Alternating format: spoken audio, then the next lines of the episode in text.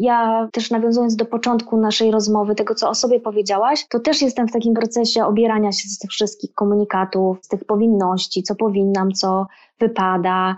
I to jest droga, tak? Jeżeli nikt mnie tego nie nauczył, no bo tak było, no szczerze trzeba powiedzieć, że nikt mnie nie nauczył patrzeć na siebie, myśleć o sobie, szukać jakiegoś wglądu w siebie i nie przejmować się resztą, tylko ja po prostu no, spełniałam jakieś tam skrypty i oczekiwania, prawda, innych osób, tego co trzeba, jak się powinno, no to, to musi zająć jakiś czas, żeby się z tego otrząsnąć. I ja wręcz uważam, że to jest po prostu mój sukces, że ja się z tego otrząsnęłam, że ja jakby teraz jestem w stanie myśleć o sobie i patrzeć na tą swoją drogę jako taką rozwojową, że gdzie ja chcę iść i, i to już ode mnie zależy, już się nie oglądam na nikogo.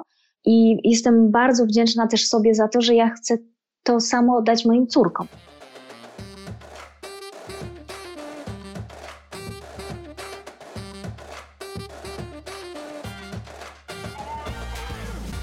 Cześć, tu Ania. Zapraszam do Pracowni Dziewczyn. Pracownia Dziewczyn to cotygodniowe rozmowy z dziewczynami i kobietami na temat edukacji. Edukacji tej szkolnej, czasem akademickiej, a już na pewno tej życiowej. Dokąd miała zaprowadzić, a dokąd zaprowadziła. O wyborach, o porażkach, o pracy kobiet, z kobietami i nad sobą. Zacznijmy od manifestu. Dlaczego uważamy, że dziewczynki są mniej inteligentne niż chłopcy, skoro na podstawie wyników wielu badań porównawczych stwierdzono, że nie ma istotnych różnic między kobietami i mężczyznami w zakresie inteligencji? Dlaczego dziewczynki już w wieku 6 lat są mniej skłonne niż chłopcy wierzyć w to, że przedstawicielki ich płci są bardzo, bardzo mądre? Dlaczego dziewczynka wspinająca się po drzewach może zostać uznana za chłopczycę, a robiący to chłopiec będzie odważnym poszukiwaczem przygód? Dlaczego inaczej traktujemy agresję dziewczynek i chłopców? Zezwalamy na agresywne zachowania chłopców jako odpowiednich dla przyszłego mężczyzny, a hamujemy je u dziewczynek, bo nie przystoi to ich płci. Dlaczego mówimy chłopcom, nie masz się jak baba, a dziewczynkom nie wypada się tak brudzić? Dlaczego jeśli kobieta i mężczyzna osiągają sukces, uważa się, że kobieta zawdzięcza go ciężkiej pracy lub szczęściu, a mężczyzna swoim zdolnościom? Czy gadanie musi być babskie i czy decyzja musi być męska? Czy na pewno woda i kobieta podążają korytem wydrążonym przez mężczyznę? Dlaczego wśród bohaterów opowiadań dla dzieci zdecydowanie przeważają chłopcy i mężczyźni, a dziewczynki kobiety występują zazwyczaj jako drugoplanowe bohaterki? Dlaczego według niektórych nauczycieli idealna uczennica jest spokojna, sumienna i obowiązkowa, a idealny uczeń jest aktywny, przedsiębiorczy i asertywny? Dlaczego chłopcy śpiewają w polskim przedszkolu? Można zawojować światem, tylko trzeba być chłopakiem, a dziewczynki można wzdychać godzinami, można płacić uśmiechami. Jako mama dwóch dziewczynek protestuję przeciwko światu opisanemu powyżej. Chcę, by moje córki były odważne, pewne siebie i niezależne. By kochały i akceptowały siebie oraz postępowały w zgodzie ze sobą. Domagam się, by ich otoczenie nie podcinało im skrzydeł. To moja odpowiedzialność, by przekazać córkom, że świat dziewczynki nie sprowadza się do różu, zabawy lalkami i bycia grzeczną, a rolą kobiety nie jest bycie ozdobą mężczyzny. Niech żyje równość, dziewczynka i chłopiec są tak samo wartościowi. Jaka muszę być, by nauczyć tego moje córki? Potrzebna mi jest świadomość, czujność i odwaga. O tym jest ten blog. Tak brzmi manifest na blogu Jak wychowywać dziewczynki, założonego przez Magdę Korczyńską, dziś prowadzonego też we współpracy z Magdaleną Falińską. Taki manifest jest niezwykle ważny, ale też uwiera. Czytając go czuję pewnego rodzaju dyskomfort, bo przypominam sobie moje doświadczenia. Ile razy to ja słyszałam, że mam być grzeczna i spokojna, że mam uważać, bo się uderza, że mam siedzieć tak, a nie inaczej, bo dziewczynce nie wypada. Kiedy skupiano się na moim wyglądzie, że mam piękną sukienkę i słodko wyglądam, a nie na umiejętności nauczenia się czegoś czy na podjęciu dobrej decyzji.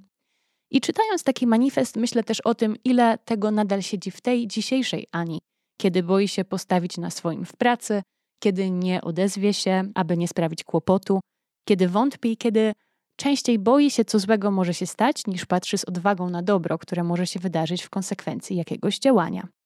Co można zrobić, aby kolejne pokolenia kobiet nie musiały się już tym martwić lub myślały o tym mniej?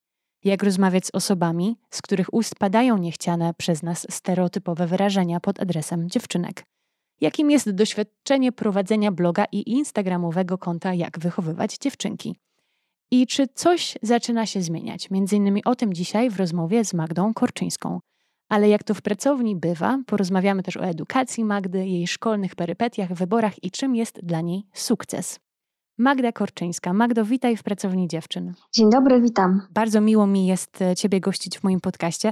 Tak, z perspektywy prowadzenia mm, bloga i instagramowego konta już taki spory okres czasu i też e, doświadczając takiego wzrostu zainteresowania i rozwoju tego konta na Instagramie, czy ty byś coś w takim manifestie, którym rozpoczęłam nasze spotkanie, zmieniła? Czy nadal stoisz bardzo mocno przy wszystkich słowach, które napisałaś te kilka lat temu? Myślę, że, że nadal stoję mocno y, przy tych wszystkich słowach, które napisałam. I dzisiaj y, myślę, że zwróciłabym bardzo mocną uwagę na to zdanie, które pojawia się na końcu manifestu, czyli to zdanie, że dziewczynka i chłopiec są tak samo wartościowi. I wydaje mi się, że ja troszeczkę w tym swoim myśleniu o projekcie i w ogóle o tym, jak właśnie wychowywane są dzieci w kontekście stereotypów płci, przeszłam taką ewolucję ponieważ zaczynałam od takiego myślenia tylko i wyłącznie o dziewczynkach, z racji tego, że no, jestem, mam dwóch córek i ta perspektywa jest mi najbliższa, sama też jestem kobietą, prawda? Więc e, nawiązując też trochę do tego, co powiedziałaś na początku, też e, podsumowując manifest i, i o tobie, tak jak, tak jak to odebrałam, że, że też jakby mierzysz się z tymi skutkami, prawda, jakiegoś takiego no, tak. wychowania w tych stereotypach. E, więc ja się też z tym mierzę. Ta droga prowadzenia tego projektu jest też taka mocno autoterapeutyczna, bym powiedziała. E, natomiast zaczynając tą drogę, ja byłam taka mocno właśnie tutaj skoncentrowana na dziewczynkach, na córkach i wierzy, tak mocno wierzyłam w to, że dziewczynki potrzebują wsparcia bardziej niż chłopcy. Tak wtedy to czułam. Natomiast teraz po tych prawie trzech latach prowadzenia projektu i obserwując też, co się dzieje, prawda, wokół kobiet, dziewczynek i feminizmu, w tym czasie, gdzie jednak coraz więcej mówimy o roli kobiet i o tej perspektywie kobiecej. Chcemy, żeby kobiety miały głos, żeby mówiono też o tej kobiecej herstorii tak zwanej, żebyśmy były obecne, prawda, i na lekcjach historii, i w nauce, i w biznesie. Więc widać, że jakby tu się dużo zmienia i wspieramy dziewczynki, a chłopców pozostawiamy tak trochę jakby w tym samym miejscu. I wydaje mi się, że warto o tym powiedzieć, że, mm, że chłopców również te stereotypy mocno dotykają, trochę w innych sferach. Natomiast warto też o nich dbać. I pewnie będziemy też o tym jakoś dalej, dalej rozmawiać, poruszać ten temat, bo on się zawsze pojawia w momencie rozmowy o, o moim projekcie. Trochę w nawiązaniu do nazwy, ale generalnie tak, do, do całego jakby mm, przekazu, który za tym idzie i który jest właśnie w manifestie też spisany. Pytanie, które dostaję jest zawsze, a co z chłopcami? A gdzie chłopcy? Przecież chłopcy też. Tak, pamiętam jak odpowiedziałaś kiedyś w podcaście, że może dzisiaj nazwałabyś swojego bloga jak wychowywać dzieci. Tak, tak, dokładnie. I ja to też, też widzę i czuję, natomiast jakby nie rezygnuję z tej mojej drogi, z tego zdania, które mam, że nadal jest bardzo wiele do zrobienia w kontekście wychowania dziewczynek również. I w, w ogóle po prostu w kontekście wychowania dzieci, tak by dawać im jednak większą wolność w tym, by stawały się po prostu sobą, tym, kim mają się stać, a nie mm, jakimiś takimi stereotypowymi e, schematami, które są bardzo mocno ograniczające. Także no, odpowiadając na to pytanie, myślę, że manifest jak najbardziej jest aktualny i bardzo się cieszę, że wtedy pisząc go te parę lat temu, pojawiło się we mnie właśnie to zdanie na końcu, czyli że, że chłopiec, dziewczynka są tak samo wartościowi, bo, bo tak rzeczywiście jest i powinniśmy wszyscy uważać w ten sposób, tak myślę. A tak jeszcze e, w tym temacie właśnie chłopców i powiedziałaś, że też jest sporo stereotypów, takich postaw, które krzywdzą e, chłopców. Czy mogłabyś podać może kilka przykładów takich stereotypów wobec chłopców, które czegoś jednak tych chłopców też pozbawiło albo jakoś ich krzywdzi? Tak, no to tutaj pierwsza rzecz, która na pewno y, wszyscy ją zauważamy, która jest związana ze sferą emocjonalności, czyli, czyli to słynne nie płacz i nie masz się jak baba i tak dalej, czyli zabranianie chłopcom okazywania jakiejkolwiek słabości. Absolutnie nie akceptujemy u chłopców lęku, łez właśnie i, i takiego, e, takiej po prostu słabości czy wrażliwości, tylko już od małego chłopiec słyszy nie płacz, nic się nie stało, e, bądź twardy, bądź silny, mm, nie pokazuj właśnie żadnej słabości. I, no i to jest taka pierwsza rzecz, tak, która jest związana właśnie ze sferą emocji, która o dziwo jest właśnie, y, co ciekawe, jakby na przeciwległym biegunie niż u dziewczynek, bo tak. u dziewczynek słyszymy mm, y, często takie powiedzonko, że złość piękności szkodzi, prawda? Czyli jakby nie akceptujemy złości dziewczynek, chcemy, żeby one po prostu no raczej były spokojne, grzeczne i wyważone. No a u chłopców jest o, o, zupełnie odwrotnie, czyli nie akceptujemy u nich lęku, a złość jest jak najbardziej, prawda, taką emocją y, pożądaną, wręcz no, akceptujemy agresję chłopaków i myślimy, no tak, chłopcy tacy są, tak mają, ale to przecież jest nieprawda, bo nie wszyscy chłopcy tacy są, nie wszyscy tak mają. Więc trochę to się kończy taką presją też na chłopców, że no muszą być twardzi, silni, no nie przyznają się do tego, że się czegoś boją, że się obawiają. Ciekawe jest też dla mnie to, że chłopcy mają też jakieś takie oczekiwania co do wyglądu. Ja ostatnio zbierałam też e, w mojej społeczności takie stereotypowe teksty, które chłopcy słyszą i pojawiało się bardzo często temat długich włosów, że chłopiec z długimi włosami wywołuje po prostu jakieś takie komentarze typu, e, że mm, e, nosi się jak dziewczynka, albo że może chcesz być dziewczynką, albo wręcz jakieś komentarze dotyczące orientacji seksualnej, prawda?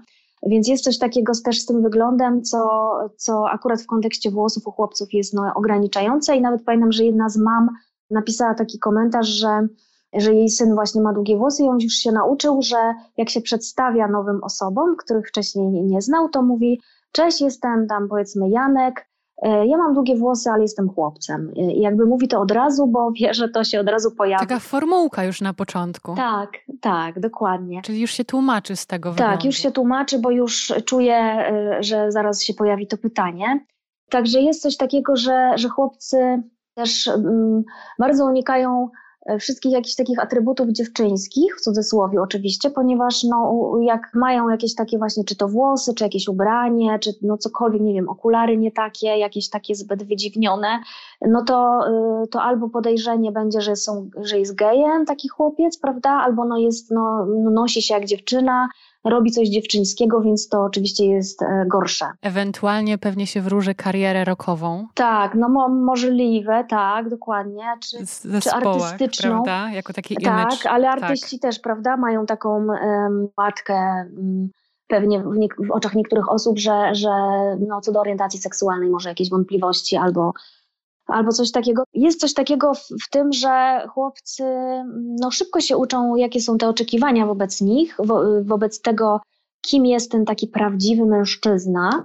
Ten, I ten mężczyzna jest właśnie no, taki silny, twardy, agresywny, też nie, bardzo często nie respektujący granic innych osób, ale też w szczególności dziewczynek. No i chłopcy, którzy są e, inni, po prostu się no, nie odnajdują w tym. Z jednej strony czują presję, że, że żeby nie być wyśmiewanym, trzeba się podporządkować takim wzorcom, a z drugiej czują, że są inni. No i, i są po prostu w gruncie rzeczy mocno samotni z tym wszystkim, prawda? Także e, bardzo jest to smutne, przykre i no i tak samo myślę szkodliwe dla chłopców, jak i dla dziewczynek, więc myślę, że nie można tutaj jakby tego wartościować i mówić, kto ma gorzej bo każda z płci mm, jest mocno ograniczana przez te stereotypowe oczekiwania. Chciałabym Cię zapytać, Magdo, o ten e, początek tego bloga i też to, co pojawiło się, słowa, które pojawiły się w manifestie. Stworzyłaś swojego bloga jako, taką, jako taki zapis Twojej drogi do wolności, wolności od tych właśnie powszechnych stereotypów na temat dziewczynek i chłopców. I, i w manifestie pojawiają się Twoje słowa: Potrzebuję świadomości i wiedzy. I czy Ty pamiętasz taki moment, kiedy ta potrzeba Twoja edukacji, edukowania się, wiedzy na ten temat tak wyszła na pierwszy plan i może pomyślałaś, że czegoś Ci brakuje, że jakiejś wiedzy Ci brakuje w tym szukaniu drogi właśnie wychowania Twoich dzieci, bo, bo to, to jest chyba dla wielu już oczywiste, że jak wychowywać e, dziewczynki powstało właśnie, bo zostałaś mamą dwóch córek, tak? Ale pamiętasz taki moment, kiedy uświadomiłaś sobie, brakuje mi wiedzy, nie mam tej świadomości, którą bym może chciała mieć. Tak, ja dokładnie pamiętam ten moment i on był właśnie też takim motywatorem do tego, żeby mm, zacząć pisać bloga i dzielić się też właśnie z innymi tymi swoimi przemyśleniami moimi mamusiowymi. Ale było to tak, że ja już będąc mamą dziewczynek, e, no miałam różne przemyślenia co do tych komentarzy różnych, które się słyszy na temat dziewczynek gdzieś na placach zabaw czy od rodziny trochę właśnie sobie myślałam, kurczę, to coś mi tutaj nie pasuje, coś mi nie gra, no i tak zaczęłam trochę czytać na ten temat, no i natknęłam się na takie badanie, które zostało przeprowadzone, opublikowane, przeprowadzone pewnie chwilę wcześniej, ale opublikowane w 2017 roku w magazynie Science. E, no i tam naukowcy właśnie przeprowadzili taką serię testów z dziećmi w wieku 5, 6 i 7 lat, dziewczyn, e, z dziewczynkami i z chłopcami. I wniosek badaczy był taki, że już właśnie w wieku 6 lat dziewczynki zaczynają uważać, że są mniej mądre od chłopców. E, no i ja to badanie przeczytałam. Tam też bardzo ważne było dla mnie to, że badacze dowiedli też w serii tych różnych zadań, które dla dzieci przygotowali, że ta wiara dziewczynek w tą mniejszą własną mądrość przekłada się też na ich działania albo na brak działań. I chodzi konkretnie tutaj o takie zadanie, które dziewczynkom zaproponowano. Przedstawiono im, że to jest takie zadanie dla bardzo mądrych dzieci i zaproponowano, czy chcą wziąć udział. No i dziewczynki, które właśnie we wcześniejszym etapie tego badania powiedziały, że są mniej mądre, no powiedziały, że one nie chcą brać udziału w tym zadaniu. Tak jakby trochę obawiając się, że, że, że sobie nie dadzą rady, że potwierdzą może tą swoją obawę o to, że są mniej mądre. No i to mnie jakoś tak mocno uderzyło, że to nie jest tylko tak, że te dziewczynki mogą tak o sobie myśleć, prawda, i mieć trochę taką może zaniżoną samoocenę, ale też ta wiara czy niewiara w siebie od razu się przekłada na ich e, działania. E, czyli myśląc o tym, że, że to są dzieci sześcioletnie, które jeszcze na przykład w naszym kraju to są dzieciaki jeszcze przed momentem rozpoczęcia edukacji w szkole, prawda, w większości. No i one już jakby potrafią na przykład zrezygnować z jakiegoś e, zadania czy z jakiejś aktywności, e, z obawy właśnie o to, że sobie nie poradzą. No i to było dla mnie bardzo uderzające, że to jest nie tylko w głowie, ale też przekłada się na działania. No i ja wtedy miałam, moja córeczka starsza miała tak około 4,5 roku, młodsza dwa latka. No i tak sobie wtedy pomyślałam, kurczę, to ja mam tylko tam te półtora roku, czy powiedzmy dwa lata, żeby w ogóle tutaj coś zadziałać i zapobiec temu, albo w ogóle wiedzieć, co ja mam robić. No i to było takim głównym motywatorem dla mnie, żeby spróbować coś więcej poczytać i bardzo mnie to po prostu też ciekawiło. Nie wiem, ja to od zawsze miałam jakieś takie ciągoty psychologiczne, mhm. można powiedzieć, i bardzo dużo czytam. No i tak postanowiłam, że spróbuję zgłębić ten temat i to się w ogóle jakoś tak ciekawie zbiegło w czasie, że w tym samym dokładnie czasie, jak ja ten mój pomysł właśnie mm, na bloga e, stworzyłam, to okazało się również, że rusza zbiórka na e, powstanie kosmosu dla dziewczynek bo to była taka akcja crowdfundingowa i ja wtedy pomyślałam, wow, super, że takie coś wreszcie powstaje. No i pomyślałam sobie wtedy, że to jest w takim razie coś świetnego, tak, żeby się tym zająć, żeby się dowiedzieć, że mam taki personalny w tym interes, w cudzysłowie, czy taką personalne zainteresowanie, ale też widzę, że się coś zaczyna dziać też gdzie indziej na ten temat, więc ten temat jest po prostu ważny, nie tylko dla mnie, ale też dla innych.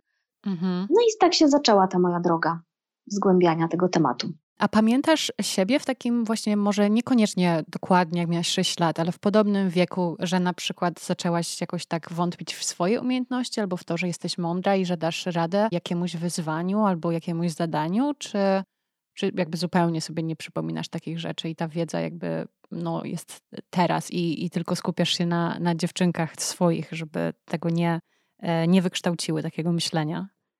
Chyba nie pamiętam siebie z tego okresu tak dokładnie, żeby sobie aż tak mieć taki wgląd w siebie i sobie przypomnieć rzeczywiście, jak to było, ale oczywiście się mierzyłam z taką mniejszą pewnością siebie, która się pojawiła, myślę, już chyba bardziej w liceum, czyli powiedzmy w momencie okresu dojrzewania, który jest taki, prawda, burzliwy dla, dla wszystkich dzieciaków i dla dziewczynek i dla chłopców. I wtedy mierzyłam się z różnymi wyzwaniami, Natomiast tak z takiego okresu powiedzmy tej sześciolatki to nie pamiętam. Ja w ogóle się bardzo lubiłam uczyć i bardzo długo byłam taką wzorową uczennicą, jakby to powiedzieć. Aczkolwiek powiem szczerze, że pamiętam, że miałam też jakieś trudności z matematyką, czyli wystąpił u mnie jakiś taki efekt, o którym też wiem i, i też piszę na blogu, związany właśnie z tą matmą, gdzie dziewczynki w pewnym momencie jakoś zaczynają trochę wątpić w te swoje umiejętności, chociaż oczywiście e, badania nie potwierdzają tego, żeby były mniej zdolne w tak, tak, matematyce tak. czy w mm. przedmiotach ścisłych. Ale to się wiąże trochę z właśnie podejściem też dorosłych, tak? którzy jakoś tam programują dziewczyny pod tym kątem. Wydaje mi się, że u mnie to jakoś musiało się też chyba zadziać, bo ja pamiętam jakieś takie swoje jeszcze pod koniec podstawówki historię, że ja rzeczywiście z tą matmą troszeczkę walczyłam i było mi trudniej. Więc, więc pod tym względem myślę, że, że na pewno jakiś taki efekt u mnie też stereotypowy miał miejsce. Wspomniałaś o tym kosmosie, mm, kosmosie dla dziewczynek i tam w tym e, nie miesięczniku, dwumiesięczniku jest taka piękna, piękne hasło, aby dziewczynki miały przed sobą kosmos możliwości.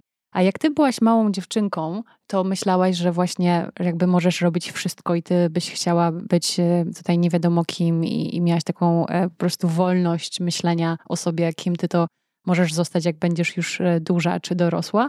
I takie też pytanie z tym związane, jakie w ogóle miałaś takie pierwsze swoje marzenia e, z bycia kimś, jak dorośniesz? Tak, ja właśnie odpowiadając na to pytanie, to powiem, że to jest bardzo ciekawe, jak ja zatoczyłam niezłe koło w tym, w tym właśnie swoim, w tych marzeniach swoich, bo ja jako właśnie taka młoda dziewczyna chciałam być w ogóle dziennikarką, i w ogóle jakoś miałam bardzo dużą łatwość właśnie w pisaniu i, i, w języku polskim, w ogóle w językach też obcych też, ale i polskim jakby najbardziej. Jakoś tak zawsze chciałam jakiś taki zawód związany z pisaniem, no i tak mi się wydawało, że dziennikarstwo to jest taka świetna właśnie dziedzina, że to jest takie prestiżowe, że będę rozmawiać z jakimiś ważnymi osobami na ważne tematy. No i wyobrażałam sobie, że będę dziennikarką Gazety Wyborczej. Tak konkretnie miałam takie, takie miałam marzenia. E, no i, i potoczyła się później ta moja droga trochę inaczej, to znaczy ja pamiętam, wybierając kierunek studiów, ktoś mi to, to, to dziennikarstwo odradził. Nie byli to moi rodzice, natomiast nie pamiętam dokładnie, co to była za osoba, ale pamiętam, że takie, bo taka była argumentacja za tym idąca, że dziennikarstwo jest taką dziedziną no, mało konkretną, że lepiej mieć jakieś takie wykształcenie z jakiejś dziedziny konkretnej, no że dziennikarką to zawsze mogę później zostać. No i takim torem jakimś e, dałam się, nie wiem, przeswitchować, że tak powiem, na coś innego. No i wybrałam SGH, czyli no, uczelnię, która jest poważana, była wtedy poważana mm, dużą estymą, też prestiżem. No i rzeczywiście wylądowałam na tym SGH, natomiast no nie było to dla mnie, tak myślę. Co zajęło mi długo, żeby to zrozumieć, i później oczywiście ta moja droga zawodowa no, potoczyła się zgodnie z tym wykształceniem ekonomicznym tak naturalnie bardzo. E, ale właśnie mam takie teraz odczucia, że ja zajmując się tym, czym się teraz zajmuję, czyli pisząc tego bloga, robiąc te projekty edukacyjne, to trochę jakby wróciłam do tego, czym się chciałam zajmować, no bo jednak pisanie tych artykułów i robienie researchu, czytanie, no to jest taka praca właśnie taką, jak, jaką wykonują dziennikarze, dziennikarki. E, więc trochę jakby, mo, może nie to, że niechcący, bo tego nie powiem, żeby to się niechcący stało, bo to było wszystko takie jakby E, jakby się kosmos właśnie połączył w, jedne, w jednym momencie, w jedną całość, bo ja w pewnym momencie, jak już zrozumiałam, że ta moja droga zawodowa, którą podjęłam i którą kroczyłam przez te powiedzmy tam 10 lat, już nie jest tym, czym bym się chciała zajmować, to ja szukałam troszeczkę takiego nowego na siebie pomysłu i wtedy pamiętam, że mi się przyśniło kiedyś, że kurczę, ja przecież chciałam być dziennikarką. To może coś z tym pisaniem, może coś z tym pisaniem. No i jednocześnie wtedy te dziewczynki się pojawiły i te moje córki i te moje potrzeba wewnętrzna zgłębienia tematu tych stereotypów i nagle jakoś mi się to wszystko połączyło właśnie w jeden pomysł blogowo-dziennikarsko-edukacyjny. Tak to wyszło, że ja rzeczywiście, wydaje mi się, że trochę do tego swojego marzenia wróciłam, ale zajęło to lata no i tak trochę krętą ścieżką doszłam do tego miejsca, w którym jestem teraz. Tak czasami bywa. A chciałam Cię się zapytać o to mm, właśnie studiowanie na SGH i czy jak Ty byłaś w takim wieku właśnie wybierania mm, kierunku studiów i tu mówisz, że ktoś Cię trochę może tak zniechęcił do tego dziennikarstwa, czy ty, jak się okazało, że to na przykład nie jest już twój, że to nie jest coś, w czym ty się widzisz, to nie jest taki kierunek, który w jakiś tam sposób ci odpowiada, ty myślałeś, że to jest jakaś porażka albo koniec świata? Bo tu często w podcaście rozmawiamy o tym, że czasami nam się zdaje, czy zdawało, jak miałyśmy 17, 18, 19 lat, że jak że jak właśnie wybierzesz e, jakiś kierunek studiów, to tak będzie na amen. To jak na całe życie, to jest zawód na całe życie, okazuje się, że my zmieniamy zdanie, wybieramy inne ścieżki, inne drogi, czasami ze studiów rezygnujemy i tak dalej, ale interesuje mnie właśnie to, czy czy myślałaś, że och, no i co ja teraz będę robić, jak z tych studiów na przykład, no te studia nie bardzo mi się podobają i nie widzę siebie mającą, mającą takie, takie po prostu życie zawodowe? Nie, ja myślę, ja myślę że nie, nie rozpatrywałabym tego w kategoriach porażki. Poza tym to było no, u mnie, akurat w moim przypadku, tak, że ja jeszcze na tych studiach tego nie rozumiałam. Ja dopiero to zrozumiałam po latach pracy w korporacji i po prostu też chyba po tym, jak zostałam mamą, jakiegoś takiego przewartościowania doznałam. I wtedy to do mnie dotarło. Na studiach jeszcze szłam tym torem e, trochę spełniania jakiegoś tam mm, wzorca, tak, że, że dobra, zaczęłam studia, no to studiuję, tak, no chcę jak najlepiej tu zaliczyć wszystko i, i zdobyć pracę dobrą i tak dalej, więc trochę byłam jakby w tym tunelu jeszcze, jeszcze z niego nie wyszłam. I teraz patrzę na to w ten sposób, że, mm, że to nie jest porażka, tylko to jest po prostu etap, to jest taka jakby droga, trochę y, budowania tej świadomości siebie i dochodzenia do takiego sedna w sobie, tak? No bo ja też nawiązując do początku naszej rozmowy, tego co o sobie powiedziałaś, to też jestem w takim procesie obierania się z tych wszystkich komunikatów, tych powinności, co powinnam, co wypada. I to jest droga, tak? Jeżeli nikt mnie tego nie nauczył, prawda? No bo tak było, no szczerze trzeba powiedzieć, że nikt mnie nie nauczył patrzeć na siebie, myśleć o sobie, szukać jakiegoś wglądu w siebie i nie przejmować się resztą. Tylko ja po prostu no, spełniałam jakieś tam skrypty i oczekiwania, prawda, innych osób, tego co trzeba, jak, jak, jak się powinno no to, to musi zająć jakiś czas, żeby się z tego otrząsnąć. I ja wręcz uważam, że to jest po prostu mój sukces, że ja się z tego otrząsnęłam, że ja jakby teraz jestem w stanie myśleć o sobie i patrzeć na tą swoją drogę jako taką rozwojową, że gdzie ja chcę iść i, i to już ode mnie zależy, już się nie oglądam na nikogo. Jestem bardzo wdzięczna też sobie za to, że ja chcę to samo dać moim córkom, tak? Czyli ja nie chcę teraz im ich programować. Ja chcę, żeby one same wiedziały, czego chcą, chcę je uczyć tego, żeby myślały o sobie, żeby się tak nie przejmowały właśnie tym, co wypada, co nie wypada, to pewnie nie będzie takie bardzo łatwe, bo wiadomo, że, że mamy rówieśników, prawda, mamy różne tam grupy odniesienia, które będą w pewnym momencie dla, nie, dla nich bardzo ważne i tak. ważniejsze ode mnie. Wpływały. Tak, ale póki tak, ja tak. jestem dla nich jakąś tam ważna i autorytetem ważnym, to ja chcę to wykorzystać i im pokazywać, że są różne drogi, no i że co wybiorą, to ja też to akceptuję, tak? I, I będę im towarzyszyć w tej drodze. Także ja to tak rozumiem, że to jest po prostu droga i, i że jestem po prostu sobie wdzięczna za to, że tak e, świadomie przez nią idę i, i że no zajęło mi to chwilę, ale no okej, okay, zajęło mhm. mi to chwilę, ale ile ja mam jeszcze lat przed sobą. Och, I, jak i, pozytywnie, prawda? tak, tak. No właśnie, dokładnie. Powiedziałaś o tym obieraniu się z tych skórek właśnie, co na nas wpłynęło, gdzie były jakieś dla nas role do wpisywania się, jakieś właśnie stereotypy usłyszane i tak dalej. Był jakiś taki komunikat właśnie pod twoim adresem, który ty usłyszałaś i, i właśnie musiałaś jakoś tak szczególnie mu czas poświęcić, aby z nim walczyć, powalczyć i wygrać? Czy, czy mówisz tutaj po prostu o całokształcie? Czy, czy było coś takiego, że nie wiem, mhm. na przykład byłaś taką osobą, która bardzo dużo słyszała no uważaj, prawda? To, to, o czym też piszesz na blogu, że dziewczynki dużo słyszą o tym, uważaj, bo spadniesz, bo się przetniesz. Mówię o tym przykładzie, bo mi on jakoś tak utkwił w pamięci, że właśnie chyba więcej tego słyszałam, niż słyszałam, a spróbuj, a zobacz jak będzie. Jak spadniesz, no dobra, nauczysz się, nie? Tak. A ty miałaś jakiś taki szczególny jeden, który tak ciężko było ciężko było sobie z nim poradzić? Myślę, że jakiegoś takiego konkretnego jednego zdania to nie jestem w stanie przywołać, ale bardziej yy, bym powiedziała o takim całym koncepcie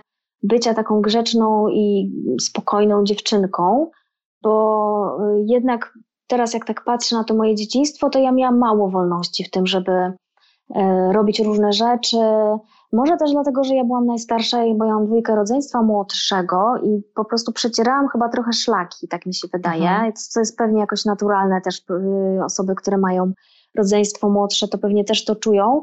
Mi na przykład na wiele rzeczy nie pozwalano. Pamiętam, że no nie wiem, tam nie wiem, rodzice innych dzieci pozwalali pójść na jakąś imprezę, ja nie mogłam, albo musiałam wracać szybko ja czułam mocno na sobie taki po prostu no, brak wolności, który mm, no, wynikał pewnie z lęku, z jakiegoś takiego potrzeby też ochrony mnie, prawda, że, że coś może się wydarzyć.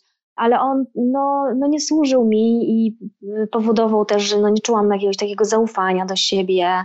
Było to takie wszystko sztywne i bez, bez takiej wolności, prawda? Więc to chyba jakoś tak najbardziej i wolności na wielu poziomach, więc ja też dlatego swoim teraz córkom się staram no, na wielu poziomach dawać i wybór, i opowiadam im o różnych rzeczach, że różnie ludzie mają i tak bardzo staram się podkreślać tą różnorodność i doceniać to, że każdy z nas jest inny i może inaczej i że to wcale nie jest gorsze, że ktoś ma inaczej niż my. Wręcz dla mnie osobiście to jest fascynujące, że ktoś może zupełnie inaczej myśleć niż ja i ja bardzo chętnie rozmawiam z różnymi osobami o tym, czemu one tak myślą i chcę się dowiedzieć, bo uważam, że to jest bardzo ciekawe, że my się tak różnimy. w różnych, prawda, podejściach, e, postawach. A u mnie tego nie było. U mnie był jakiś taki, taki schemat, taka jedna, powiedzmy, droga, no i idziemy wszyscy tą drogą i nie interesuje nas, czy ty chcesz iść inną, a, a co ty myślisz, a może myślisz inaczej, a może ktoś ma inaczej, jak pamiętam, że jak mówiłam, że a ktoś tam może robić, a no to wtedy słyszałam, no mnie nie interesuje to, co inni rodzice mówią albo robią. Po prostu ty masz robić tak, jak, tak jak ja mówię, nie? Więc, więc to było chyba takie najbardziej bolesne i chyba jakoś to mi tak jakoś przyszło, jak usłyszałam to twoje pytanie, mm, jako taki parasolowy koncept, który bym nazwała właśnie brak wolności i tyle. Czyli rozumiem, że swoim dziewczynom o wiele więcej tej wolności serwujesz? Tak, tak, bo widzę w tym dużą wartość i no myślę też, że one też są myślącymi osobami, tak? No są tylko dziećmi, czy w cudzysłowie tylko, ale są ludźmi i no mają swoje jakieś postawy, prawda, jakieś pragnienia, więc e, dlaczego nie brać też pod uwagę ich zdania i włączać ich w te dyskusje, które są jakby odpowiednie, tak, żeby one brały w nich udział. Napisałaś, wracając jeszcze na chwilę do, do manifestu, napisałaś, że potrzebna jest ci odwaga, aby właśnie robić rzeczy inaczej, żeby wychowywać dziewczyny w sposób e, taki wolny od stereotypów. W jakich momentach tak dzisiaj myślisz, że tej odwagi bardzo ci potrzeba, aby właśnie wytrwać w tej swojej drodze? No myślę, że tutaj jest kilka aspektów.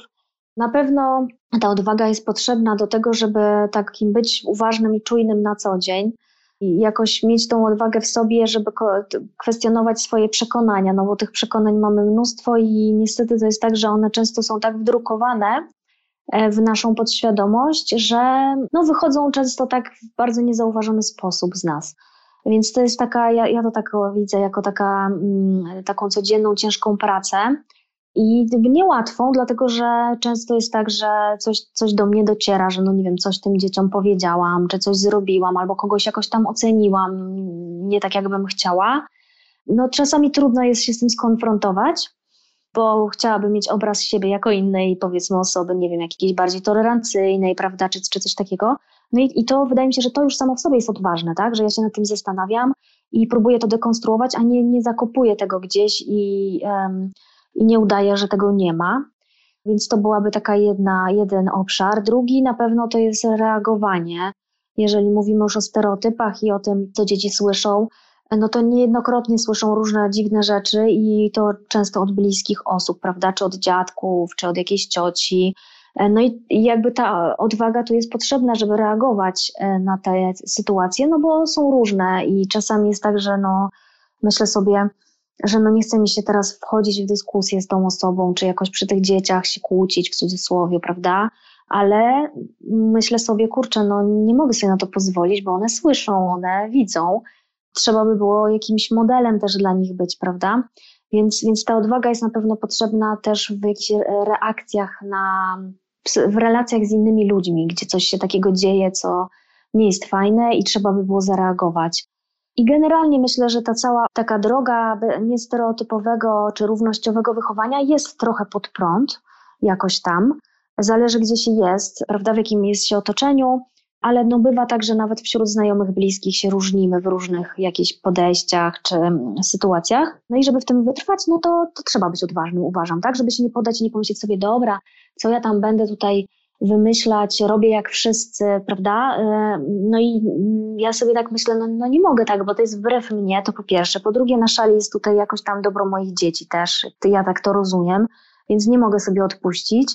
No ale żeby tak właśnie do tego podchodzić, to wydaje mi się, że tą odwagę trzeba jednak w sobie mieć. A miałabyś takie może kilka dobrych wskazówek, porad na to właśnie, jak można rozmawiać z osobami, z których ust słyszymy takie stereotypowe wyrażenia czy, czy jakieś komentarze pod adresem czy naszych dzieci. No ja tu, ja nie jestem mamą akurat, ale czy, czy właśnie pod adresem dzieci, czy pod adresem innych dziewczynek, gdzie chcielibyśmy jakoś zareagować, ale no może niekoniecznie chcemy to zrobić w jakiś taki, nie wiem, arogancki sposób, czy nie chcemy tutaj postawić sprawy na ostrzu noża, czy coś z Twojego doświadczenia, co może typ rozmowy, Czy jakie komunikaty tutaj mogą być pomocne w takich sytuacjach? No ja myślę, że, że warto właśnie reagować na te, na te różne komunikaty, które dzieciaki słyszą, bo no dajemy im wtedy przykład, prawda? I też w jakimś sensie, wydaje mi się, stajemy w ich obronie trochę, bo czasami te komentarze dotyczą właśnie czy wyglądu, czy no nie wiem, zainteresowań dziecka i e, no, warto myśleć o tym w ten sposób, że chcemy, żeby każdy miał prawo do tego, żeby być sobą, więc e, jednak z respektem do tej osoby komentującej, ale jestem za tym, żeby stawać po prostu po stronie dziecka. E, więc ja po prostu zawsze polecam, żeby właśnie no, mówić o tym, że każdy ma prawo być sobą. Moje dziecko również ma prawo być sobą, więc no proszę o niekomentowanie, czy to wyglądu, czy jakiegoś tam właśnie zachowania, czy zainteresowań. I e, najlepiej właśnie no, dawać tą informację zwrotną w taki, w taki sposób, no mówiąc o swoich uczuciach, tak, i nazywając to, co się dzieje, tak, czyli jeżeli ktoś komentuje, nie wiem, wygląd córki, czy, czy właśnie chociażby syna z tymi włosami długimi, no to wtedy możemy powiedzieć, że no widzę, że pani, czy, czy, czy babciu, ty, mamo, e, no nie podobają ci się włosy, powiedzmy, syna, no ale ja czuję, że to nie jest, to jest niechciany wygląd dla dziecka, znaczy komentarz na temat wyglądu wobec dziecka, więc nie chciałabym, żeby się to powtórzyło, e, bo uważam, że każdy ma prawo wyglądać tak jak chce, albo ja daję mojemu dziecku prawo do tego, żeby wyglądało jak chce. Myślę, że najprościej właśnie powiedzieć o tych swoich uczuciach, no ze spokojem, z szacunkiem do tej osoby, ale jednak w taki sposób, żeby pokazać dziecku, że stajemy w jego obronie, czy w jakoś po jego stronie, tak, że my jako rodzice, no jesteśmy po to, żeby te nasze dzieciaki chronić i nie pozwalać innym też e, naruszać tych granic.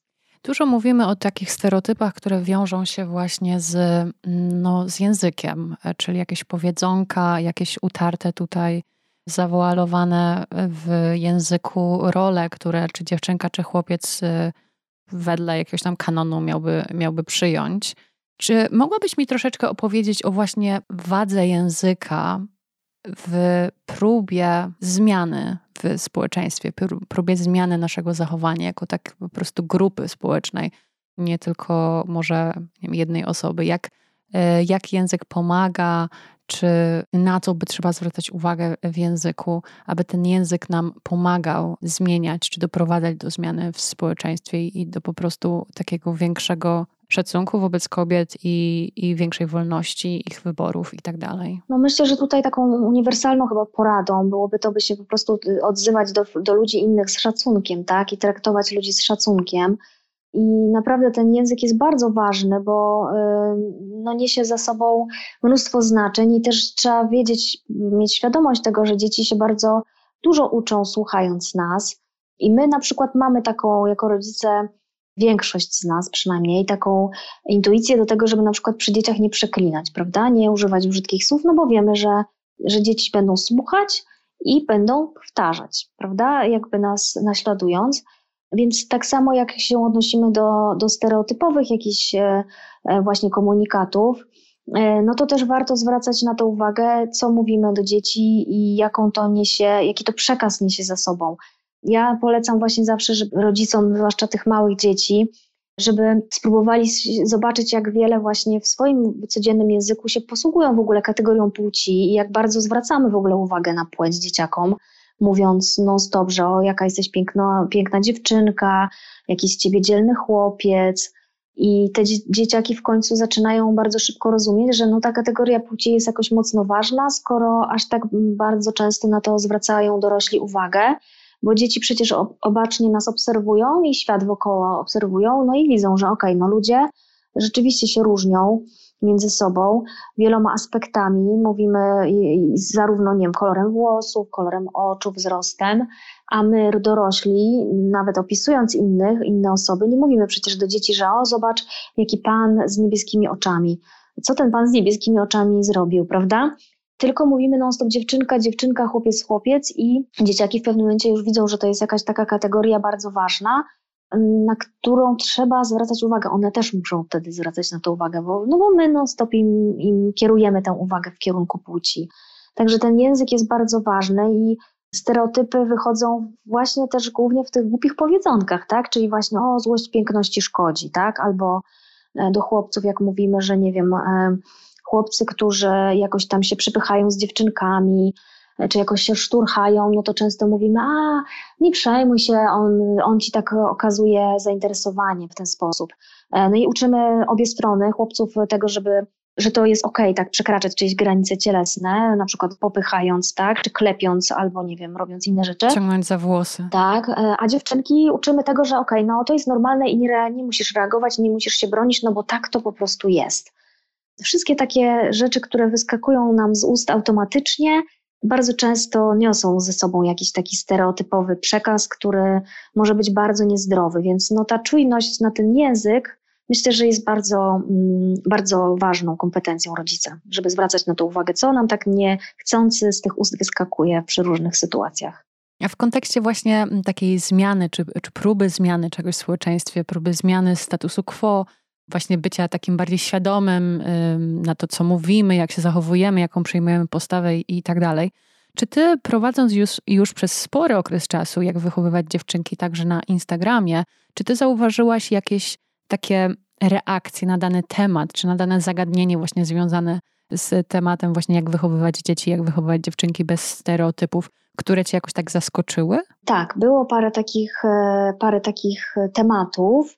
Wszystkie te, które są związane ze stereotypami e, wobec kobiet, ale takie trochę mniej może oczywiste. Na przykład pamiętam, że robiłyśmy kiedyś taki post na temat uśmiechania się i tego, że no, bardzo często kobiety słyszą taki tekst uśmiechnij się, prawda, mimo że w ogóle nie mamy na to ochoty, albo wręcz jesteśmy wkurzone i mamy ochotę krzyczeć, a wtedy dostajemy komunikat, nie no, uśmiechnij się, no, jesteś jakaś taka, no nie wyglądasz, nie? A powinnaś wyglądać pięknie, to jest twój y, jakby priorytet. E, I pamiętam, że wtedy dostawałyśmy komentarze od mężczyzn, takie jakby nierozumiejące w ogóle o co nam chodzi.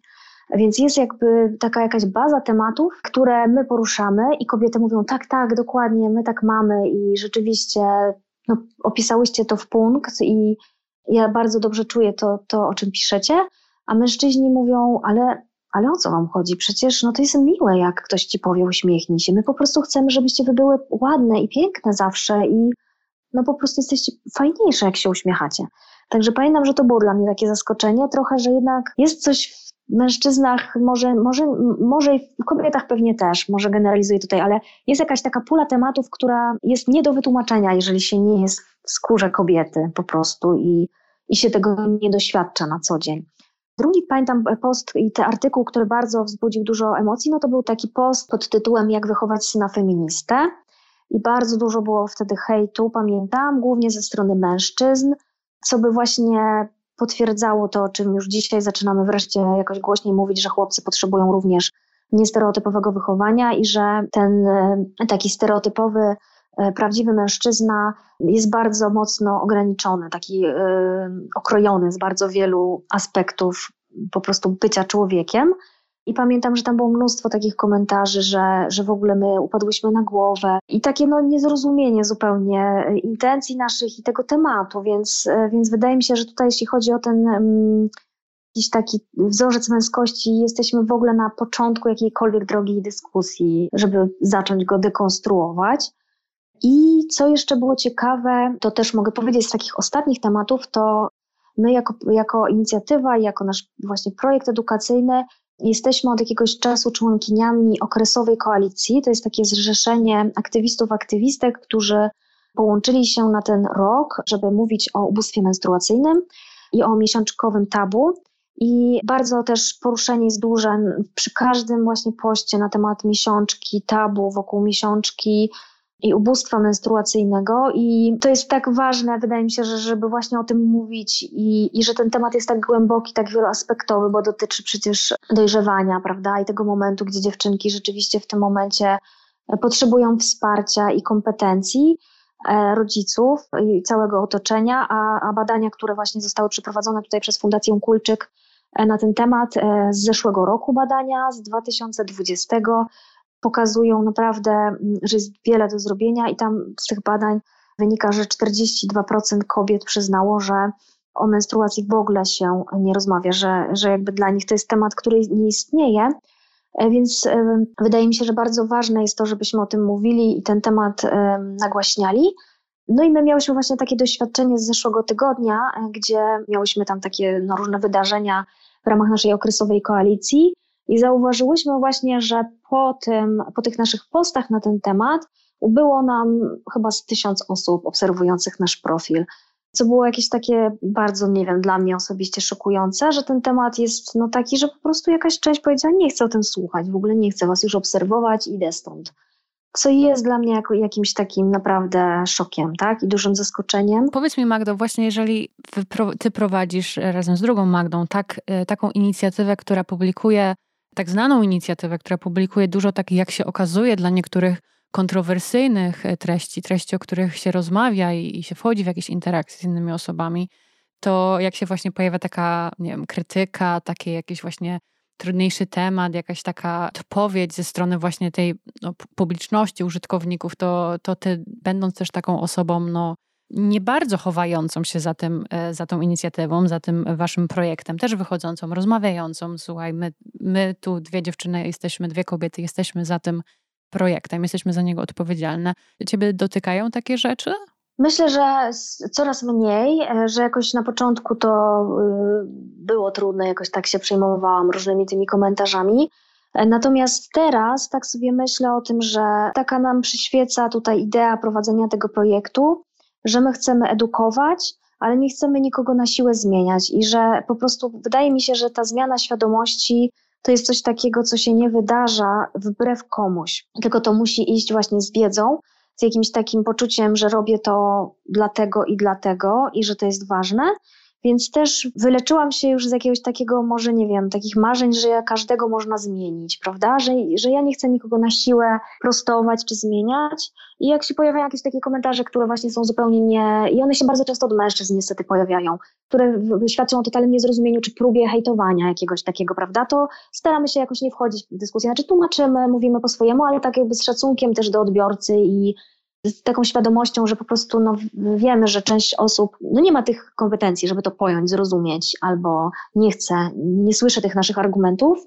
No i my się z tym też godzimy. Mówimy sobie, ok, no nie zmienimy wszystkich, ale zmieniamy tych, którzy są gotowi słuchać i, i przyjmować nasze argumenty. Więc jak się tak do tego podchodzi, to trochę jest łatwiej sobie no, pomyśleć, że, że okej, no nie każdego jesteśmy w stanie zmienić, ale to, co już robimy, to i tak jest na tyle dla nas satysfakcjonujące, że ileś osób nam pisze, że te nasze posty otwierają oczy, że coś, coś im dają, e, że korzystają, e, że, że to mi jakby wynagradza też tą, ten taki trochę ból, czy no nie wiem, straty tego, że ileś osób po prostu tego nie przyjmie i, i wręcz nas hejtuje. No i okej, okay, trzeba z tym żyć. Patrzysz na jak wychowywać dziewczynki w kategorii takiego sukcesu już? Czy sukces jest dla ciebie czymś czymś innym na przykład. Tak, tak. Myślę, że ten sukces bym tutaj definiowała zdecydowanie właśnie takim e, odbiorem e, naszej społeczności, która bardzo często nam dziękuje i w te, nawet w takich y, prywatnych wiadomościach, prawda, że ktoś się czymś dzieli, opisuje jakieś historie, że coś było dla niego trudne i że już teraz będzie, już teraz więcej wie. I to chyba jest takie najbardziej, no bo my to po to to robimy, tak, żeby edukować, więc jak dostajemy informację, że to rzeczywiście edukuje, zmienia i pomaga, no to to jest chyba najlepsza nagroda, więc to jest dla mnie miernik sukcesu. No i taki też obiektywny miernikiem, obiektywnym miernikiem na pewno jest e, ta ilość osób, która nas obserwuje, która tak szybko przyrosła, że ja nawet nie wiem, jak to się stało i kiedy to się stało, więc to jest też dla mnie samej zaskoczenie i tak do końca mam poczucie, że jeszcze jakby nie, e, nie ogarniam tak swoją osobą tej siły, która się tu wygenerowała, no bo to jest naprawdę niesamowita siła tyle osób mieć w jednym miejscu, tak, zgromadzonych, zainteresowanych tym tematem, co pokazuje mi, jak bardzo ten temat jest ważny. Mhm. To też jest świetne, tak? Tak czuć, że się zajmuje jakimś naprawdę ważnym kawałkiem który też mi pomaga. Czujesz dumę? Tak, czuję zdecydowanie dumę i, i też właśnie to jest świetne, że to jest takie połączenie kilku sznurków, tak, że z jednej strony ja to robię dla siebie, dla moich córek, z drugiej też dla innych, którzy z nami y, są w tej drodze i dołączają tak licznie i korzystają. E, no i to jest super właśnie, że, że to jest taka obopólna korzyść dla, i dla nas, i dla naszej publiczności, więc bardzo, bardzo miłe uczucie. Chciałabym Cię zapytać, gdybyś miała taką możliwość kierowania w pewnym sensie edukacją w naszym kraju, edukacją w Polsce, i gdybyś została e, panią e, ministrą edukacji, to czy miałabyś takie pomysły na swoje pierwsze postulaty co byś chciała może zmienić, czego, co dodać, co odjąć w takim polskim formalnym systemie edukacji? No myślę, że tutaj byłoby super, jakby można było prowadzić jakąś taką edukację na temat stereotypów dla nauczycieli, dlatego że wiem, wiem z, z komentarzy też naszych tutaj obserwujących i też jakichś komentarzy bliskich znajomych, że mm, i, i też z literatury, tak, to jest wiadome, wiadomy jakby efekt, że nauczyciele są również, czy bywają również e, nośnikami stereotypów, a tak coś czuję, że jednak w takiej formalnej edukacji kształcącej e, nauczycieli nie ma być może zbyt wiele miejsca na to, żeby opowiadać nauczycielom o stereotypach i na przykład chociażby o tej matematyce, prawda? Opowiedzieć, jak to działa, co wiemy z badań i że rzeczywiście mm, ta rola dorosłych wpycha dziewczynki w, tą, w ten brak wiary w swoje zdolności matematyczne. Więc bardzo ważne jest na pewno to, co nauczyciele mówią dzieciom, jak się odnoszą, jaką uwagę komu poświęcają, bo jest też coś takiego, że wiemy z badań, że chłopcom się więcej uwagi poświęca w klasie, ze względu na to, że właśnie są bardziej głośni, bardziej asertywni, jakby no, po prostu kumulują uwagę nauczyciela na sobie. No i dziewczynki to widzą, prawda? Obserwują, jak to wygląda, no i widzą, kto tu jest ważniejszy, kto jest mniej ważny. Więc takie niuanse e, bardzo fajnie by było, żeby nauczyciele wiedzieli i rozumieli. Więc na pewno wprowadziłabym jakąś taką edukację na temat stereotypów płci i tego, jak one działają w edukacji do szkolenia nauczycieli. No i byłoby super, myślę, jeżeli moglibyśmy też szkolić nauczycieli z jakichś takich mm, technik antydyskryminacyjnych czy antyprzemocowych, żeby, żeby rzeczywiście nauczyciele rozumieli, czym jest dyskryminacja, stereotypy uprzedzenia i żeby ta ich postawa była taką prewencją, o może tak powiem, prewencją jakichś problemów, które się mogą pojawić, a nie takim już działaniem kryzysowym, tak, że nagle się coś dzieje, jakieś dziecko jest po prostu, nie wiem, e, szykanowane, prawda, i no niemalże już jest w stanie takim, że, że mm, no bliskim jakichś, jakichś problemów psychicznych tak, tak. i dopiero my wtedy reagujemy, prawda, bo, no bo Ostatni dzwonek mamy, jest. Tak, ostatni dzwonek.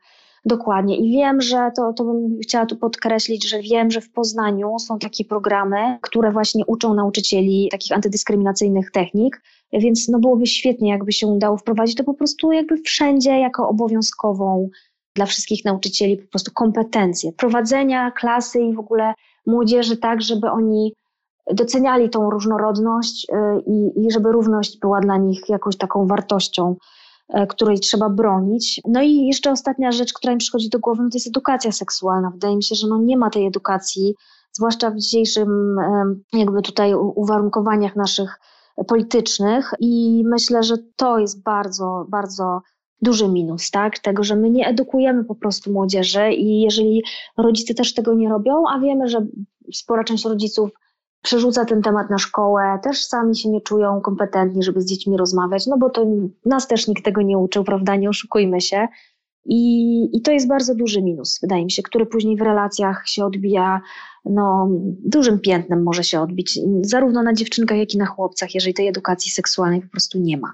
Więc, więc takie trzy postulaty bym chyba na początek zaproponowała. Sporego kalibru. Tak. A ty miałaś takie szczęście na swojej drodze edukacyjnej, właśnie może w, czy w formalnym systemie edukacji, szkoła, uczelnia, czy może jeżeli byłaś, e, korzystałaś z na przykład jakiegoś mentoringu, czy warsztatów, czy jakichś kursów dodatkowych, takich nauczycieli czy nauczycielki, którzy i które ci dużo dały i dali, i którzy na przykład, których jakoś tak y, bardzo cenisz i ceniłaś i pamiętasz o nich? Pamiętam kilkoro nauczycieli, którzy, których cenię, ale tak jak teraz sobie o tym myślę, to cenię ich za to, że byli wymagający. To znaczy, że rzeczywiście. Ten aspekt naukowy. Tak, tak, aspekt naukowy, ale też tak myślę, że potrafili pokazać jakąś taką granice, zbudować taki autorytet. I to się trochę wiązało też z, tymi, z tym wysokim poziomem naukowym, więc, więc takich pojedynczych nauczycieli pamiętam.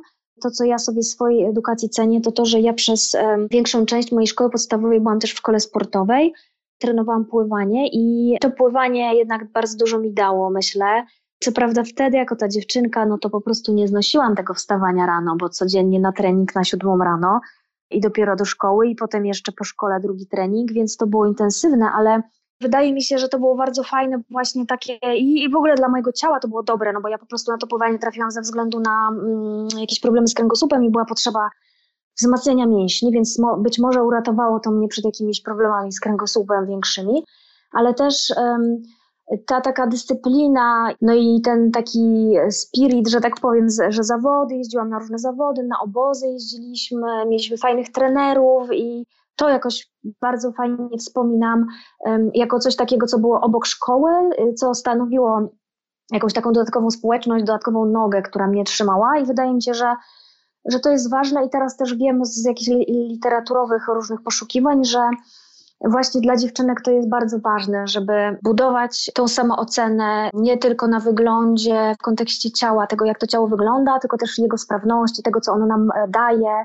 za co możemy być mu wdzięczne, więc y, jest wiele takich edukatorów, którzy właśnie w kontekście dziewczynek bardzo polecają, żeby dziewczynki jednak szły w sport i w coś, co daje im takie poczucie siły też w ciele, tak, że to ich ciało nie tylko wygląda, ale ono też jest silne, ono też potrafi dużo rzeczy zrobić, jest e, wytrzymałe i z perspektywy czasu widzę, że to chyba było dla mnie dobre i coś takiego, co mnie też uformowało dodatkowo e, z takim byciem właśnie no, obowiązkową, zorganizowaną.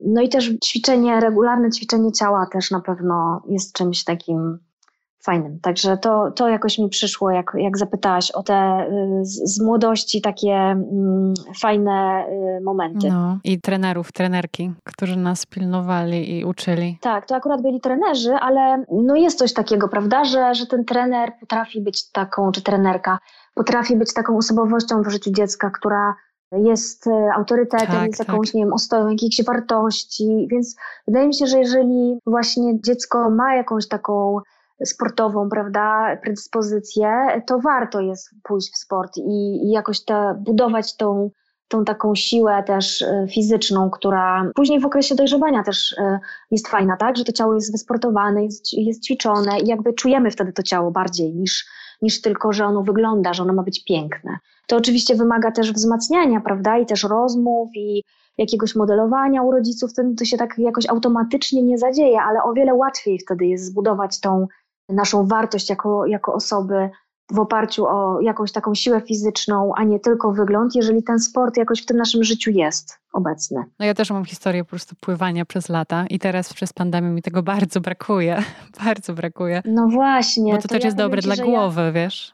Pewnie wiesz. Tak, oczywiście. oczywiście, oczywiście. I ja powiem Ci, że ja po latach wróciłam do tego, to znaczy ja tak trochę w międzyczasie też, bo tam i na E, I w liceum pływałam, później na, na studiach też na AZS chodziłam, na jakieś zawody nawet jeździłam, ale potem jak już zostałam mamą, no to miałam paroletnią przerwę i teraz już chodzę na takie treningi, właśnie mamy takie fajne tutaj stowarzyszenie pływackie.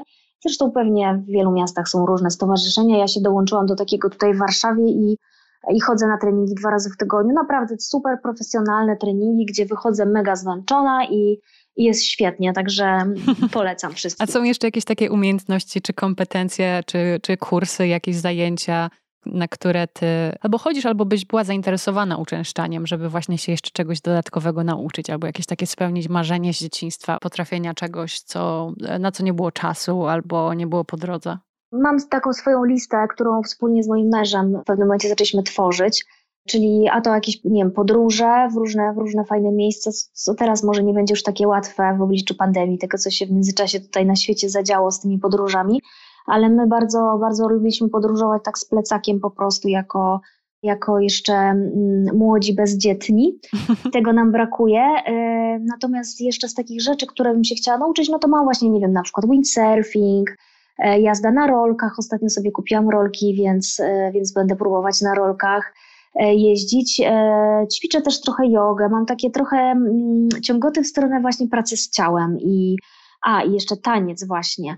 Taniec, który jest jakąś taką moją trochę piętą achillesową, mam wrażenie, mm, ale taką bardziej z głowy, która wynika z jakichś mhm. takich blokad w głowie. I wiem, że wiem, że są tutaj takie jakieś fajne metody właśnie na jakieś takie, taką pracę z ciałem poprzez taniec, więc to bym też chciała zrobić. Także, także mam taką swoją listę, która rośnie i przez jakiś czas no, musiała być zamrożona, bo dzieciaki były małe, prawda, i wtedy no, jednak trzeba było odłożyć na bok, ale teraz wracam do niej na, na bieżąco. Na przykład e, jednym z moich marzeń, które ostatnio realizuję jest to, że chciałam się nauczyć malować akwarelami. I kupiłam te akwarelki, kupiłam sobie taki fajny kursik na portalu Domestika, chyba on się nazywa.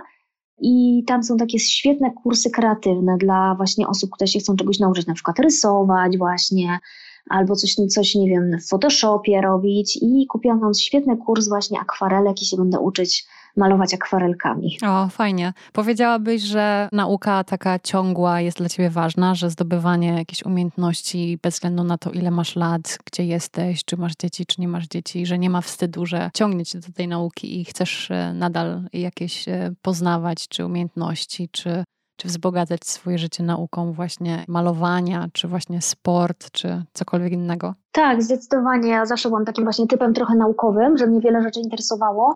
I, e, no i to jest świetne. Ja uważam, że, że super to jest, bo to jednak otwiera, zawsze coś, coś nowego poznajemy, coś się dowiemy o sobie, czy coś, nie wiem, pójdziemy na jakiś kurs, więc poznamy nowe osoby. I to jest naprawdę świetne. Uważam, że w każdym wieku można się interesować wszystkim i robić to, na co się ma ochotę, i akurat ja, ja jestem taką właśnie trochę kreatywną duszą z jednej strony i taką, no, że wiele rzeczy, wiele rzeczy mnie w sumie interesuje. Dobrze. Jedno z ostatnich pytań do Ciebie, Magdo. Czy tak rozmawiając o Twojej ścieżce edukacyjno-zawodowej, o tej drodze przez ekonomię, e, chociażby marzenia o dziennikarstwie, do jak wychowywać dziewczynki do, takiej, do takiego miejsca, gdzie, gdzie to dziennikarstwo powraca i w zasadzie to wszystko fajnie łączy razem z byciem mamą, byciem rodzicem, i edukowaniem innych osób, które tak tłumnie dołączyły się do projektu Jak wychowywać dziewczynki. Chciałabyś coś powiedzieć jako może taka starsza siostra, takim dziewczynom, które właśnie są na początku swojej drogi, czy, czy edukacyjnej, czy zawodowej i czasami wątpią, czasami e, nie wiedzą, gdzie ta, oczywiście chyba raczej nie wiedzą, gdzie ta ścieżka je zaprowadzi, czy będzie tak, jak sobie wymarzyły, jak chciały. Coś, co może po prostu dodać im pewnego rodzaju otuchy. No myślę, że bym powiedziała tutaj, by, by te dziewczyny myślały o sobie po prostu i o tym, co jest dla nich dobre, a nie przejmowały się tym, co jest jakoś tam wygodne dla innych, co wypada albo co powinny, tylko szły jakoś trochę za tą swoją intuicją i tym, co czują w sobie. I nawet jak się coś, prawda, nie udaje, czy po jakimś czasie uznajemy, że, no nie wiem, ta decyzja nie była najlepsza, no to w danym momencie jakby podjęłyśmy ją z jakiegoś powodu i, i była dla nas wtedy dobra. I to jest też nasze prawo do tego, żeby zmieniać zdanie i modyfikować tą swoją ścieżkę i mm, swoją drogę. Chyba bym tak poradziła, żeby po prostu słuchać siebie i zastanawiać się nad tymi swoimi przekonaniami, które często w nas siedzą, jakiś taki głos w nas nam coś mówi.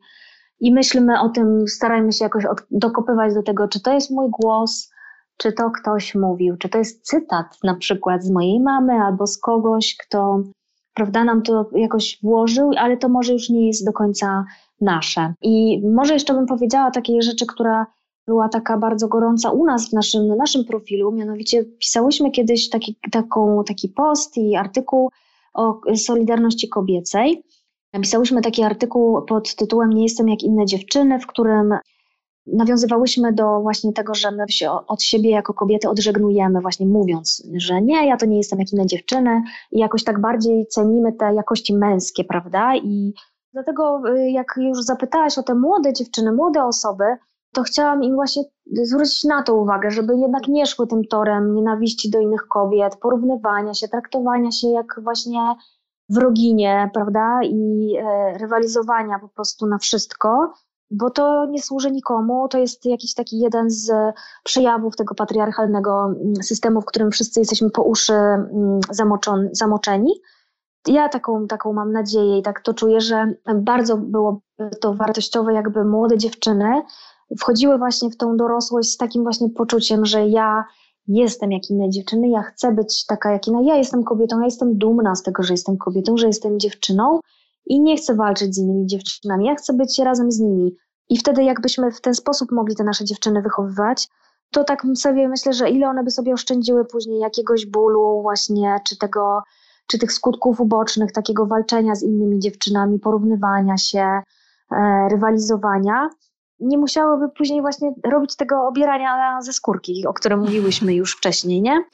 E, tak. więc e, pamiętam, że właśnie, że ten post e, takim echem się odbił, ale też dużo młodych dziewczyn właśnie pisało nam, że, że super, że to przeczytałam, że ja będę się starać właśnie teraz tak patrzeć na to inaczej i że to rzeczywiście no, było takie ważne dla, dla nich. No, dla tych starszych, no to tak, które już po uszy w tym siedzą i jakby widzą te straszne konsekwencje takiego podejścia, to było takie też mocne, ale dla tych, które właśnie wchodzą na tą drogę dopiero dorosłości, to było też ważne, więc, więc to bym chciała chyba podkreślić. Ja oczywiście polecam zaglądanie regularne na, na profil, jak wychowywać dziewczynki, gdzie ty i Magda, dwie Magdy przekazują tyle wspaniałej wiedzy popartej, e, popartej badaniami naukowymi.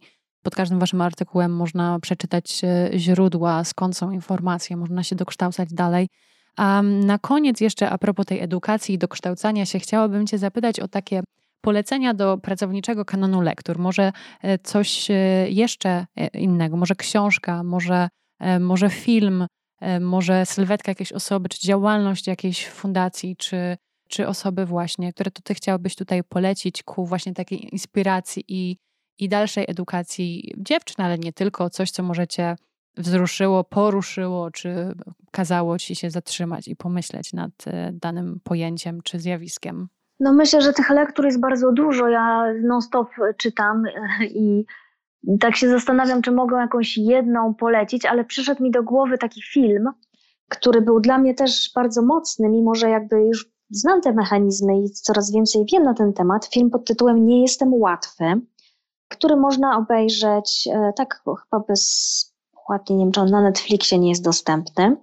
I to jest taki film, w którym jest taka zamiana, pokazana zamiana ról, gdzie mężczyzna się nagle budzi i mm, wszyscy go traktują w taki sam sposób, w jaki traktowane są kobiety. E, czyli bardzo taki obrazowy sposób pokazuje to, jak te niektóre komunikaty, które do kobiet kierujemy, są absurdalne. I to dopiero widać, jak one są skierowane do mężczyzny. Więc ten film jest strasznie ciekawy i y, bardzo też fajnie go obejrzeć ze swoim partnerem, facetem czy mężem, e, bo to mm, ja też swojego męża przymusiłam i żeśmy obejrzeli. Pamiętam, że był pod wrażeniem bardzo dużym, więc to też jest takie fajne, myślę, narzędzie dla kogoś, kto nie jest właśnie przekonany albo nie rozumie w ogóle o co wam chodzi z tym seksizmem, przesadzacie. Więc ten film naprawdę jest, jest bardzo ciekawy i bym go poleciła. A z lektur tak właśnie myślę, że może mogłabym może jakąś, nie wiem, taką małą listę przygotować jakichś takich top lektur, byś mogła ją później, nie wiem, w opisie jakoś udostępnić. Oczywiście. Do, bo tak teraz mi ciężko mm, powiedzieć o czymś jednym, bo jest tego dużo, więc może bym tak się zastanowiła nad jakimiś takimi top, top, fajnymi lekturami. Bardzo chętnie przyjmę listę i ją opublikuję i tutaj właśnie w opisie odcinka, ale też na Instagramie, czy gdziekolwiek można znaleźć pracownię, aby, aby więcej osób mogło się zainspirować. Okej. Okay. Magda Korczyńska. Magdo, dziękuję Ci serdecznie za rozmowę, za podzielenie się tym, co my widzimy e, na jak wychowywać dziewczynki na Instagramie i na blogu, ale też odrobinę więcej o Tobie i o Twojej ścieżce i o tym Twoim obieraniu się ze skórek, z tych komunikatów e, z dzieciństwa i dojrzewania. I życzę Ci, aby oczywiście jak wychowywać się, jak wychowywać dziewczynki wzrastało i otwierało więcej oczu i edukowało, ale też, żeby jak najwięcej Tobie dobrego przynosiło w Twojej prywatnej, czy na Twojej prywatnej drodze. No dziękuję bardzo, bardzo mi miło. Dziękuję za te, za te życzenia piękne, no i za zaproszenie też do, do podcastu, do rozmowy.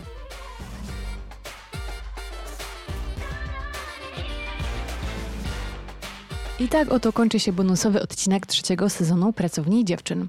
Blog edukacyjny tworzony przez Magdę Korczyńską we współpracy z Magdaleną Falińską znajdziesz na jakwychowywaćdziewczynki.pl, a także na Instagramie i Facebooku pod Jak wychowywać dziewczynki. Przez bloga Magdy można również zakupić e-booki i wyzwania wspierające wychowywanie dzieci bez stereotypów, a także dziewczyński journaling pomagający zdekonstruować stereotypowe przekonania. Wszystkie linki w opisie odcinka. Tam też znajdziesz bogatą listę poleceń do kanonu lektur, którą Magda podesłała po naszej rozmowie. Zapraszam do zajrzenia. Przypominam lub informuję, że Pracownia Dziewczyn jest na Instagramie Pracownia Dziewczyn pod, a także ma swój adres mailowy pracownia dziewczyn podcast.gmail.com podcast przez C. Można napisać na ten adres z refleksją, czy polecić potencjalną rozmówczynię do podcastu. Jeśli spodobał Ci się ten odcinek, proszę podaj go dalej. To dość proste, ale nieocenione wsparcie mojej pracy i pracowni dziewczyn. A jeśli jest to Twoje pierwsze spotkanie z pracownią, zapraszam Cię do odkrycia opublikowanych już odcinków. Tymczasem życzę Ci dobrego lipca. Podcast robi sobie przerwę, ale powróci wkrótce z czwartym sezonem. Miej oczy i uszy szeroko otwarte. Do usłyszenia niebawem. Cześć!